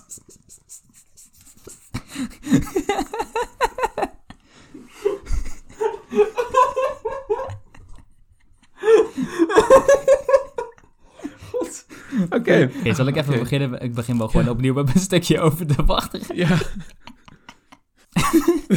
Maar bij de Fata Morgana, het, het is natuurlijk wel een hele lastige. Want het hele, het hele idee van de Fata Morgana is dat je pas in de wereld komt als je zeg maar in die jungle scène bent en de tovenaar een gekke spel op je cast of wat dan ook. Ik weet niet wat hij allemaal doet. Ja. Eh, maar dat maakt het natuurlijk heel lastig van wat je dan met de wachtrij aan moet. Want volgens mij heb ik dit letterlijk al een keer in een aflevering gezegd. Maar ik weet dat mensen veel nostalgie hebben aan de wachtrij. Ik ook. Maar als je er even objectief naar kijkt. Het is niet een geweldige wachtrij in thema. Nee. Dat hoeft natuurlijk ook niet per se. Maar persoonlijk zou ik het wel beter vinden als ze er iets mee Ik kunnen vind, in het hoeft niet per se gethematiseerd te worden. Mijn voornaamste probleem is gewoon dat hij heel erg gedateerd voelt. Hij voelt heel erg jaren tachtig. Mhm. Het enige wat leuk is aan de wachtrij is dat je de hele tijd rond de buitenwand van de, Klopt. van, van, van de ruimte gaat. En de ruimte Ja, is natuurlijk op zich best interessant. Met die want ruimte heb ik ook vrij weinig problemen. Het is vooral die Mhm. buitenmeandering die ik, die ik niet zo heel mooi vind. Dat is inderdaad het grootste probleem. Ik vind ook dat hoekje van het plein, dat was vroeger mooier in de jaren 80. Als je die oude foto's kijkt, Mark en ik hebben natuurlijk de Fata Morgana documentaire van de Vijf Zintuigen vaak samen gekeken. Natuurlijk, natuurlijk. Eh, natuurlijk. die, eh, dat buitengebied was vroeger een stuk mooier, want er stond die, die overkapping en die meandering er nog niet. Daar was het nog een soort wand en daar kun je nog een stuk, daar kun je wel, wel, wel wat moois van maken. Ja, ik heb het idee dat dat wel beter in het thema betrokken kan worden. Dat Want het is, ook- het is ook het is alleen de, de binnenwachterij en, de, en, en het, ik weet niet hoe je het noemt, het station, de, de De draaischijf. opstaphal noem, noem ik Ja, die vaak, ja. Dat is niet echt in thema, maar buiten is het natuurlijk wel in thema. En ik Maar zou dan toch wel. Nee, nou. Niet, niet, niet de wachtrij. Dat is niet wat ik bedoel. Ik bedoel de. het gebied. Ja, de, de façade van de gebouwen. De oh façade nee, dat van Fata. Oh nee, zelf. Dat is prachtig is prachtig. thema. Ja, ja, ja, het Fata Morgana-plein is prachtig. Maar dus dan heb ik wel het idee dat ze veel meer met de wachtrij buiten zouden kunnen doen. Ja, dan inderdaad. op dit moment het geval Het is. heel, heel voor de hand liggend, maar maak er een soort markt van of iets dergelijks. Wat ik ook heel jammer Heel vind, is dat op rustige dagen je niet door de minaret naar binnen gaat. Want je hebt, je hebt zo'n minaret, Mhm, eh, waar, ja. waar ook die mooie lamp in hangt. Mhm. Ehm, en je zou denken, als het, kijk, als het druk is, snap ik dat je de buitenmeandering gebruikt. Maar het is nu ook zo dat als het rustig is, dat je dan een soort van door zo'n hekje gaat, daar links van de minaret. En dat je dan via de zijkant naar binnen gaat, in plaats van dat je heel mooi via die minaret naar binnen gaat. Mhm. Ja. Het ik is weet niet of je snapt wat ik bedoel, maar... Ik, ik denk het. Volgens mij bedoel je een beetje dat het, het is net als dat je een, een epische kasteelfaçade hebt, maar dan is de voordeur niet de deur waardoor je naar binnen Ja, gaat, maar je gaat door een of ander zijdeurtje Nou naar hoeft binnen. dat natuurlijk niet altijd. Ik denk aan Villa Volta. Ik denk dat het een logistieke nachtmerrie zou zijn als daar de Mhm. voordeur de ingang was. Dat is het bij Houdini's Magisch Huis in Bellewaarde namelijk een tijdje geweest. en daar was ze heel erg stom. Want je ging door de voordeur naar binnen. En vervolgens, dit moet ik eigenlijk bewaren voor de Madhouse aflevering, maar ik vertel het maar even snel. Je ging door de voordeur naar binnen en dan ging je onmiddellijk links weer naar buiten om in de, om de zijmeandering te gaan staan. Eh, maar je maar- ging wel door de voordeur. Ja, maar wat ik dus eh, bij de Fata Morgana jammer vind, is dat je ehm, wel gewoon door die minaret kan. En dat, je het ook vroeger, dat het vroeger ook de ingang was. Eh, en sinds de aanbouw van de buitenmeandering eh, is dat niet meer zo. En dat is gewoon zonde. Maar je gaat Mhm. door zo'n heel, heel, heel suf hekje, ga je nu naar binnen. En dan ga je zo aan de zijkant er doorheen. Terwijl je Mhm. gewoon mensen door die minaret... Op, ik heb het over op rustige dagen, heb ik het hier. Eh, dat je mensen gewoon makkelijk via die minaret naar binnen kan laten stromen. En dan stappen ze gewoon via daar direct de opstaphal in. Dat je, niet Mhm. een, eh, je hebt, je, zodat je niet een rij krijgt die buiten de minaret loopt. Dan verwijs je ze door naar die andere ingang. Maar Ja. moet kunnen. Is thematisch een stuk mooier. Klein dingetje, maar dus ook heel makkelijk om aan te passen. Ja, precies. Ehm, ja, ik hoop wel dat als, de Vater, als het exterieur van de Vater Morgana opgeknapt wordt bij deze opknapbeurt, dat ze het dan niet vergeten in te schaduwen nadat het opnieuw geverfd is. Want eh, de nieuwe Sp- Sprookjesbospoort duurde heel lang voordat die ingeschaduwd was. En mijn grote beklacht, mijn schatje, de liefde van mijn leven, de Villa Volta, eh, is nu echt wel heel erg wit. Ik weet niet of... Ik, ik heb het gevoel dat ik de enige ben die dit is opgevallen, maar sinds de renovatie van Villa Volta een tijdje geleden, die goed gelukt is, daar niet van. Eh, maar volgens mij zijn ze vergeten in te schaduwen of iets dergelijks. Of het is gewoon dat ik zo gewend ben aan een vieze Villa Volta. Ja, een vieze villa. Eh, Hij Volta. is super like, wit nu aan de buitenkant. Mhm. En daardoor ziet hij er bijna een beetje plastic uit. Ehm, en dat vind ik zonde. Dus ik hoop dat dat nog... Of Ja, voor een grote Villa Volta-fan als jij is dat natuurlijk pijnlijk om te zien. Alles valt mij op bij de Villa Volta. Ik ben echt de, de grootste Villa Volta-nerd. Ik- Ze hebben op een gegeven moment de gordijntjes achter de ramen aangepast. En dat viel mij op. Mhm. Ze hebben namelijk achter de ramen van de Villa Volta... heb je van die gordijntjes zitten. En de bovenste twee ra- ruit... Ja, hoe, heet, hoe heet die dingen? Die bovenste twee ruitjes, die zijn Mhm. altijd... De, daar hangt geen gordijn voor, maar de onderste wel. En Mhm. toen ze de, met de Winterse Illusie projectieshow zijn begonnen, hebben ze in plaats van gordijntjes achter de ramen stickers op de ramen geplakt die de gordijntjes dan moeten voorstellen, zodat het Mhm. er mooier uitziet op een projectie. En toen ze die stickers hebben weggehaald, waren de ramen heel lang zwart. En nu hebben ze de gordijntjes weer terughangen, zoals ze horen. En dat is heel mooi. Dat was Vincent's mini-rant over de Villa Volta-updates. Achter de gordijntjes achter de ramen van de Villa Volta. Eh, Maar mhm. Efteling, als jullie luisteren, ga de Villa Volta inschaduwen. Ik weet niet waarom jullie het niet al gewoon gedaan hebben toen hij al een onderhoudsbeurt, eh, toen hij al een onderhoudsbeurt had. Maar hij ziet er nu te gelikt uit eh, voor, de echte Efteling, oké. voor de echte Efteling-kenners. Die snappen waar ik naar refereer. Ik niet, help. Er is zo'n Efteling-schets van Tom van der Ven. Mhm. En er heeft, heeft hij aantekeningen naast de Villa... Hij heeft een, een ontwerpschets voor de Villa Volta. Er staan er aantekeningen naast. En daar schrijft hij dan... Villa mag niet te gelikt ogen. Oh, dat heb je me een keer verteld. Ja, en dus de Villa Oog nu wel erg gelikt. Mhm, Ja, ik weet niet. Ik ben, ik ben absoluut een Efteling-fan, maar absoluut geen Efteling-kenner. Maar ja, Ik, ik, ik ben een... eh, ook, eh, ik, ik ben niet zo'n kenner als sommigen hoor. nee, nee, nee, nee, niet als sommigen. Ja, er zijn daarom. mensen die echt... Er- ja, precies. Die echt, dat is echt lijp indrukwekkend hoeveel Daar kunnen wij ons niet mee meten. Nee, Maar absoluut niet.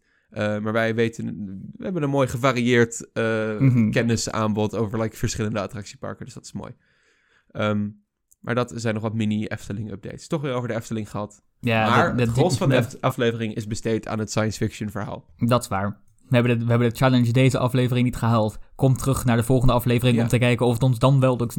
Ik hoop dat dit een beetje een goede anniversary aflevering was, want het Ja. is het technisch gezien wel. Als we nog heel terugkijk- terugkijken op het jaar van de Bonte Babbelaars. Ja. eh, Zo, het jaar van de eh, Monte Wabbelaars. Het was ons jaar. Ja, het was ons jaar nee, nee, nee, Vincent. Dit jaar wordt, on- wordt ons jaar. Elk jaar is ons jaar, Mark. Precies. maar ik weet niet. eh, toen ik me realiseerde dat eh, het binnenkort dus een jaar Bonte Babbelaars zou zijn, ging, ik- ging ik een keertje terug om de eerste aflevering te luisteren. Dat was pijnlijk voor mijn oren. Echt waar? Nou, ik weet niet.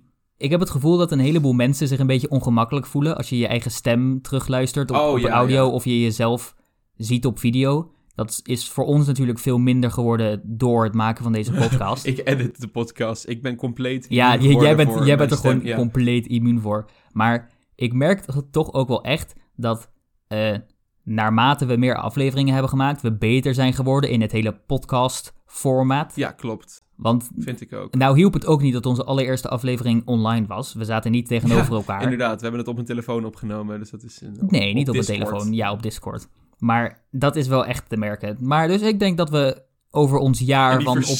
die verschrikkelijke audio-kwaliteit bij aflevering 2 is echt om te janken. Dat is om te janken. Ik heb ook zo heel, heel stom in de beschrijving gezet. Het kon iets slechter zijn. Iets slechter. oh, die, die kan, dat kan echt niet. Nee, maar dat, dus... eh, ik vind wel dat we een stuk beter zijn geworden sinds... Ik ook, ja. Audio-kwaliteit is een stuk beter. Eh Mark gaat Mhm. binnenkort ook een nieuwe microfoon halen. Dus dan zal Ja, de audio-kwaliteit de- als het goed is nog beter worden. Deze microfoon heeft geen popfilter, dus af en toe doet hij gekke dingen. En volgens ja, mij is er ook... like- like zo'n... ja, volgens mij is er ook iets stuk met de contactjes of zo. Dus af en toe... Ja, ja inderdaad. Dus voor de Geweldige oplettende luisteraar hoor je dat soms op de achtergrond. Ja. Ehm, Fantastische impressies. Je deed ook al zo'n geweldige impressie van de mist van de Vliegende Hollander in, de, in, in één aflevering. Ik weet niet, im- impressies Ja. zijn gewoon mijn ding of zo. Ja, maar, dan, fantastisch. maar dan niet impressies van mensen, maar impressies van, van compleet random... Mark, geef me nu je, je beste impressie van, eh, de, like, van, die, van die, die, die block breaks van achtbanen. Wat? Of hoe heten die dingen? Ik- Ja, Oké. zo. het is heel makkelijk. het is ja, die... Nee, dat is denk ik te lastig. Ik weet Nou, niet hoe of ik dat die kan. dingen? Jij bent meer Ja, het, achtbaankenner het, dan ik. het, het zijn... eh, ik neem aan dat je gewoon friction breaks bedoelt. De dingen die je bijvoorbeeld in, in een station ziet of zo. Die ja, zo'n- en die je zo... ja, die. Ja, Zijn dat friction breaks? eh, ja. Oké, top. Dan heb ik dat ook weer geleerd. Mhm. Dit is, dit is een hele mooie verhouding. Jij weet veel meer over achtbaantechniek dan ik, dus dat is mooi. Dat klopt. Ik studeer werktuigbouwkunde voor een reden. Maar Ja, precies. Dat heb je ook nooit verteld. ik weet niet of ik dat ooit... Nee, ik heb ooit verteld dat ik werktuigbouw studeer, volgens mij. Zou Maar- kunnen. Bij, anders bij deze. Bij- anders bij deze. Ik studeer Werktuigbouwkunde. Precies. Bij deze... Ik heb het ook nooit verteld. Ik studeer geschiedenis. Volgens mij hebben we dit wel verteld, volgens nee, mij. nee, nee. Dit hebben we volgens mij nooit verteld. Niet? Nee. Oh, we gaan letterlijk na, na deze opname terugluisteren in eerdere afleveringen of we dit ooit hebben gezegd. Luisteraars die eh, het, het weten, hebben dit ooit eerder verteld. Maar anders bij deze. Laten we, omdat het toch de anniversary is, we kunnen een beetje over onszelf gaan vertellen. Nu. oh, dat zou kunnen. Ja, precies. Ehm, ja, nee, ik, ik studeer geschiedenis in Leiden. En Mark studeert werktuigbouwkunde. In Delft. Hey! ja, want jij hebt ook ambities om misschien eh, bij Vekoma te gaan werken, toch? Dat zou mijn droombaan zijn. Ja, inderdaad. Dat is even wat, wat informatie over ons. En dan, wat mij ook leuk lijkt om een keer te doen. Eh, ik, dit heb je in aflevering 1 wel verteld. Deze, deze podcast is begonnen omdat Mark en ik altijd samen naar school fietsten. Mhm. Eh, en dit is nu ons middel om die fietsgesprekken soort van nog steeds te kunnen doen. eh, zonder dat we samen fietsen. Mhm. Het lijkt me heel erg leuk om daadwerkelijk een keer een aflevering op de fiets op te nemen. Die kwaliteit wordt zo slecht, Ja, maar klopt. ik, maar ik is- ben voor. Leuk, ja, precies. En dan gaan we gewoon er- naar een pretpark fietsen of zo. En dan doen we dat. Het lijkt me nog steeds leuk om een keer op locatie op te nemen. Mhm. Maar daar moeten we wel het materiaal voor hebben. Ja, zo- zoals jullie horen, luisteraars, potentie en ideeën genoeg. Een eh, Europa Park aflevering aflevering. Als we naar Disney zijn geweest, een Disney aflevering. Duinrel Madhouse versus aflevering. Park Battle. Vincent raadt al twee uur over waarom Villa Volta de beste Efteling-attractie is. Vincent raadt al twee uur over waarom Phantom Man de beste Disney attractie is. Jij moet ook een ratel-aflevering maken. Ik weet niet waar ik over zou de ratelen. Maar nou ja, in ieder geval genoeg om naar uit te kijken. Ja, eh, in, voor het, het, het tweede bestaansjaar van de Bonte Babbelaars. ja. Eh, ja, Twee afleveringen per maand, meer diverse is onderwerpen. streven. Ja, Hopelijk meer eh, inbrenging van luisteraars, maar dat, eh, daar kunnen wij natuurlijk niet heel veel... eh, ja misschien is het ook wel leuk om... nou, ik bedoel, de jaar anniversary hebben we nu al gehad. Maar als we, like, Ja. weet ik veel, aflevering 15 of aflevering 20 weer een speciale aflevering te doen. precies, want dit is niet echt een heel speciale aflevering. Het is gewoon heel... Omdat wij pas echt net erachter kwamen dat dit de Dat, is, dat dit onze anniversary Ja, is. precies. Dus dat, dat, dat, dat- we zullen nog wel een keertje een special maken. Mhm. Maar niks mis met een gewoon een standaard bonte... Eigenlijk is een, omdat we er zo weinig maken, een bonte babbelaars aflevering op zichzelf al bijzonder dat genoeg. is waar, dat is bijzonder genoeg. Ja, inderdaad. Ehm, maar ehm, ik vond het een, een geslaagd jaar bonte babbelaars. Het is echt heel hard gegaan. Ja, Voor mijn gevoel zijn we niet... Volgens mij zijn we nog steeds echt net begonnen hiermee. Maar Mhm. al een jaar, dat is echt absurd. komt gewoon omdat we zo weinig afleveringen hebben Ja, gemaakt. nee, inderdaad. Dat is het vooral. Maar een jaar, dat is echt heel, heel erg hard gegaan. Want Mhm. Ehm, we zaten nog in onze eindexamens toen we aflevering 1 maakten, Ja. geloof ik. En dat ging ook over het Grand Hotel. En er is ook op de bouwplaats niks veranderd sinds die eerste paar Nou, afleveringen. ze hebben de kelder aangelegd. Wow. Ze hebben de kelder aangelegd en geloof ik beton gestort. En Ja. dan moeten ze volgens mij wachten tot dat allemaal opgedroogd is, voordat, ze met echt de, voordat het de hoogte in kan gaan. Mhm, Ja. Het is dat we er weinig van zien, maar volgens mij zijn ze echt wel hard bezig bij het hotel hoor. Bij. Dans Macabre zien we er wat meer van. Oké. Nou, dat vind ik weer een, eh, een mooie gevulde aflevering voor deze keer. Eh, we willen nog nogmaals nog één keer Roel bedanken ja. voor zijn inzending. Heel erg. Hartstikke leuk. Ehm, en we hopen dat jouw vraag een beetje beantwoord is door deze aflevering. Mhm. Ehm, ja, dat was het weer voor vandaag. Heb jij nog wat eh, afsluitende meldingen toe te voegen, Mark? Niet echt. Ik Ik weet niet of ik die zou moeten hebben, maar het was zo'n zo'n confronterende vraag. Heb je die? En dan denk ik van, nee. Nee, ik heb wel heel vaak... Ik heb soms dat ik afleveringen terugluister en dan denk ik van... Oeh, de heer had ik dit nog willen zeggen, maar dat is... eh, Ja, dat is altijd eh, hindsight 2020. Ja, precies. Dus we gaan nog wel een keertje... eh, Er zijn nog genoeg afleveringen om te maken waar ik Ja. alles kan vertellen Mhm. dat, er, dat er in onze hoofden zit. We hebben nog jaren te leven en jaren afleveringen te maken. Ik hoop het maar. Ik hoop. Is dat een bedreiging? Goed. Ehm, luisteraars, dank jullie wel voor het luisteren. Ik heb volgens mij onze socials al helemaal zitten vertellen, dus dat ga ik niet nog een keer doen, want dan wordt het wel heel erg shameless self-promotion. Ja, zo Eh. shameless zijn we nou ook weer niet. Nee, precies. Dus eh, luisteraars, dank jullie wel voor het luisteren. Dank jullie wel voor de luisteraars die al het, het hele jaar hebben meegeluisterd naar Bonte Babbelaars. Dank jullie wel voor alle Eh, support. Dank jullie wel voor alle steun, voor de reacties en voor de Twitter-dingen en door de, weet ik veel, dat allemaal. Eh, voor de mensen die ratings hebben achtergelaten op Spotify, ook hartstikke erg bedankt. bedankt. Dat vinden we ook heel erg fijn. Voor de mensen die ons volgen op Spotify en op Apple Music en dergelijke, super bedankt. We willen kleine boodschap bedanken voor de paar shout-outs die we hebben gekregen. Die hebben echt gewoon spikes in Die onze... hebben, die hebben enorm geholpen. Mhm. Ehm, ik ben ook geloof ik één keer te horen geweest op, op Kleine Boodschap bij hun, hun, hun Oh, jij- 300ste aflevering. je, je, je had een vraag ingestuurd volgens Ja, geloof ik. was ook heel raar om mezelf daar terug te horen, maar goed. mij. Mhm. Ehm, die heb ik ook echt opgenomen om, weet ik veel, drie uur s'nachts. Eh je kan het wel, denk ik, terug horen in mijn stem. Mhm. Ehm, maar da- eh, dus, eh, dat willen we, die willen we nog heel erg graag bedanken. Ehm, dus dank jullie wel, luisteraars. Dank jullie wel, eh, kleine boodschap voor de shout-outs. Dank jullie wel voor iedereen die ehm, opmerkingen of reacties heeft achtergelaten op Spotify, Twitter, Instagram, whatever.